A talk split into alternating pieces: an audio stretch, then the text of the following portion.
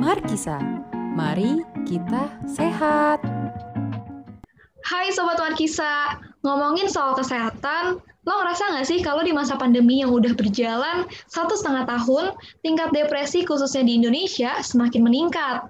Oh iya, depresi itu bisa menjadi salah satu penyebab kalau kita tuh terkena gangguan bipolar loh. Nah, gue mau nanya nih ke teman-teman gue tentang opini mereka, apa sih bipolar itu? Nah, Git, kalau menurut gua bipolar ini artinya secara harfiah ya. Bi itu kan dua dan polar itu kutub uh, biasanya kan kutub itu berlawanan. Berarti kalau bipolar itu kedua kutub atau dua sisi yang berbeda yang ada dalam dalam diri lu.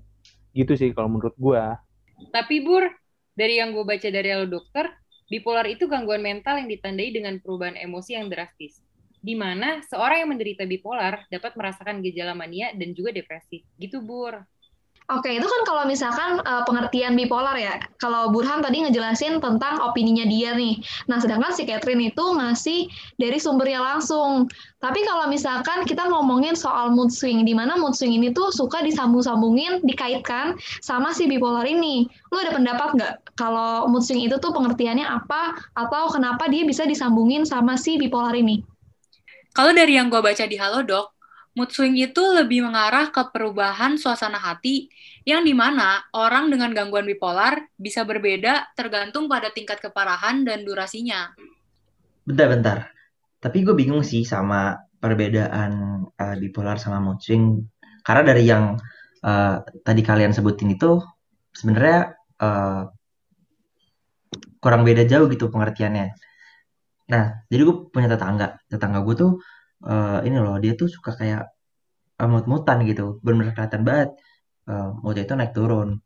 Awalnya kita mah uh, tetangga-tetangga yang lain tuh mikirnya tuh mood swing, tapi uh, dia tuh apa ya?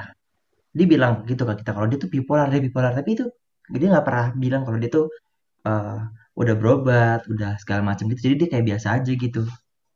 Gini-gini, kalau dari yang gue tangkep ya, bipolar sama mood swing itu perbedaannya ada di uh, keseharian alasannya dia sih. Jadi gue okay. sempat baca di salah satu web di satu persen. Jadi tuh di sana ngejelasin kalau bipolar itu terjadi secara drastis tanpa adanya suatu kejelasan atau alasan yang dialami dalam satu hari itu. Sedangkan kalau mood swing itu saat lu ngelakuin sesuatu dan itu ngebuat mood lu jelek, itu bisa mempengaruhi mood lu. Jadi contoh, misalnya yang tetangga lu, yo tadi, tetangga lu yeah. tadi, mm. itu tuh dia moodnya tiba-tiba seneng nih. Mungkin karena ayamnya dia bertelur gitu. Tapi bisa aja mood dia tiba-tiba down lagi karena nggak taunya telurnya busuk. Jadi gitu. ada pancingan hal lain gitu ya? Yes, that's right. Tapi menurut kalian uh, baik gak sih kalau misalkan ada orang tuh yang mungkin tadi anggaplah tetangga gue cuman kayak mood swing biasa ya tapi dia selalu menganggap diri itu bipolar gitu. Itu sebenarnya bener gak sih? Atau makin memperburuk keadaan gitu? Kalau menurut gue sih ya, uh, ya. self diagnose tuh salah ya. Kan kayak tadi tuh kalau gue dengar dari cerita lu tetangga lu tuh kayak mengakui kalau dia tuh bipolar tanpa uh, pergi ke psikiater atau ke dokter. Bener nggak betul betul. Kita nggak pernah maksudnya kita nggak tahu sih kehidupan dia gimana. Tapi yang kita tahu ya dia cuma kayak gue bipolar gue lu ngerti dong kayak gitu gitu sih.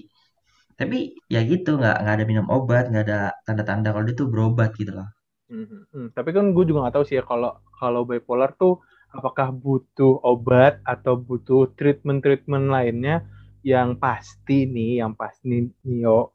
Dan saran dari gue uh, kalau ada teman kita yang uh, moodnya kelihatannya mood swing atau aneh lah atau tidak bukan aneh sorry.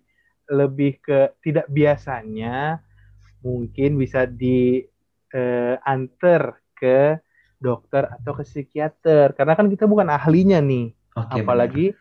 kita yang ngerasa pasti kan suka mencocok-cocokkan dengan apa yang kita baca atau apa yang kita lihat gitu.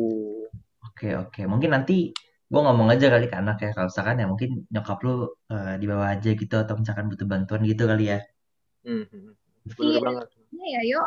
Eh, kalau misalkan kayak tadi Burhan bilang, harus langsung dibawa ke dokternya atau psikiater itu. Karena katanya kalau misalkan dibawa ke psikiater, itu tuh ada obatnya tersendiri gitu Oh, buat ada si obatnya ternyata. gangguan itu. Iya, Oh. supaya dia tuh kayak bisa, eh, moodnya tuh bisa diatur, atau eh, apa yang ada pada dirinya dia. Kan itu kan katanya tuh ji- gangguan jiwa gitu kan. Jadi bisa, eh, seenggaknya, apa ya namanya ya, ada kata lainnya nggak sih? Kayak Eh, eh, meminimalisir gitu kali ya bisa dibilang kayak gitu sih maksudnya kayak seenggaknya dia jadinya nggak memi- nggak memuncak gitu loh mood ekstrimnya tuh jadi nggak memuncak jadi dia nggak bisa kayak lebih ke emosi kontrol gitu lebih ke kontrol bisa kontrol Hmm, diri si obat yang dikasih sama si ahlinya itu hmm, hmm. Tapi Mungkin itu kayak lanjut lanjut Yo. Lu Oh, dulu Yo. mungkin mungkin ada ini kali ya kita kayak sebulan sekali mungkin ada jadwal-jadwalnya tersendiri untuk kontrol gitu kali ya Kayaknya sih begitu sih yo. Kayaknya untuk apa? Apalagi kan penyakit yang seperti ini susah untuk hilangnya gitu dan butuh beberapa tahap juga begitu. Apalagi kan ini bukan penyakit yang fisik kan? Ya enggak yang kayak kalau misalkan penyakit fisik tuh kayak misalkan kena luka sayat di tangan. Terus diobatin kan kelihatan tuh progresnya. dari Ya dari kan? berdarah ke sembuh gitu ya Bener, bener. Sampai eh, ada bekas lukanya, kan?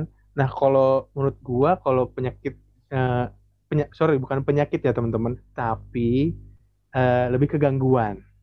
oke Ke, bukan penyakit ini, ini gangguan gitu. Nah, kalau gangguan eh, jiwa seperti ini, itu tuh ya belum tentu bisa lihat progresnya gitu.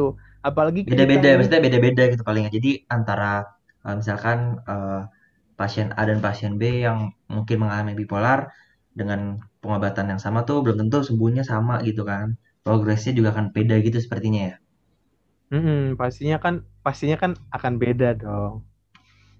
Oke, benar juga sih. Gue setuju sama apa yang tadi lo pada diskusiin. Nah, ada pesan nggak dari lo pada buat pendengar kita yang mungkin aja dari mereka tuh terkena gangguan bipolar? Oke, kalau dari gue sebenarnya gue punya pesan untuk eh, para somar nih atau mungkin kerabat, keluarga atau teman somar yang memiliki eh, tanda-tanda kayak yang tadi kita udah bahas dari mood swing atau bipolar untuk segera diajak aja atau pergi ke psikiater atau dokter untuk make sure demi kebaikan eh, diri sendiri dan orang lain juga gitu. Bener banget, gue setuju banget sama Tio. Mungkin gue tambahin sedikit. eh se- eh, sebelum itu jangan, sebelum ke dokter ya, jangan self diagnose dulu, jangan diagnosa sendiri. Setelah baca atau tahu tanda-tandanya, jangan langsung bilang, wah, gue bipolar nih. Wah, ternyata gue orangnya gampang mood swing. Nah, mending datang ke yang profesional, psikiater atau dokter gitu, Somar. Nah, didengar tuh Somar pesan dari Burhan dan juga Tio untuk langsung datang aja ke profesional kalau misalkan lo ngerasa ada gangguan yang merupakan tanda-tanda dari gangguan bipolar ini. Oke, sampai di sini dulu episode pertama kita yang ngobrolin tentang bipolar dan tunggu episode kita selanjutnya karena kita akan terus membahas tentang bipolar bersama ahlinya yang pastinya lebih seru lagi. Jaga kesehatan dan jangan lupa patuhi protokol kesehatan ya Somar. Sampai jumpa.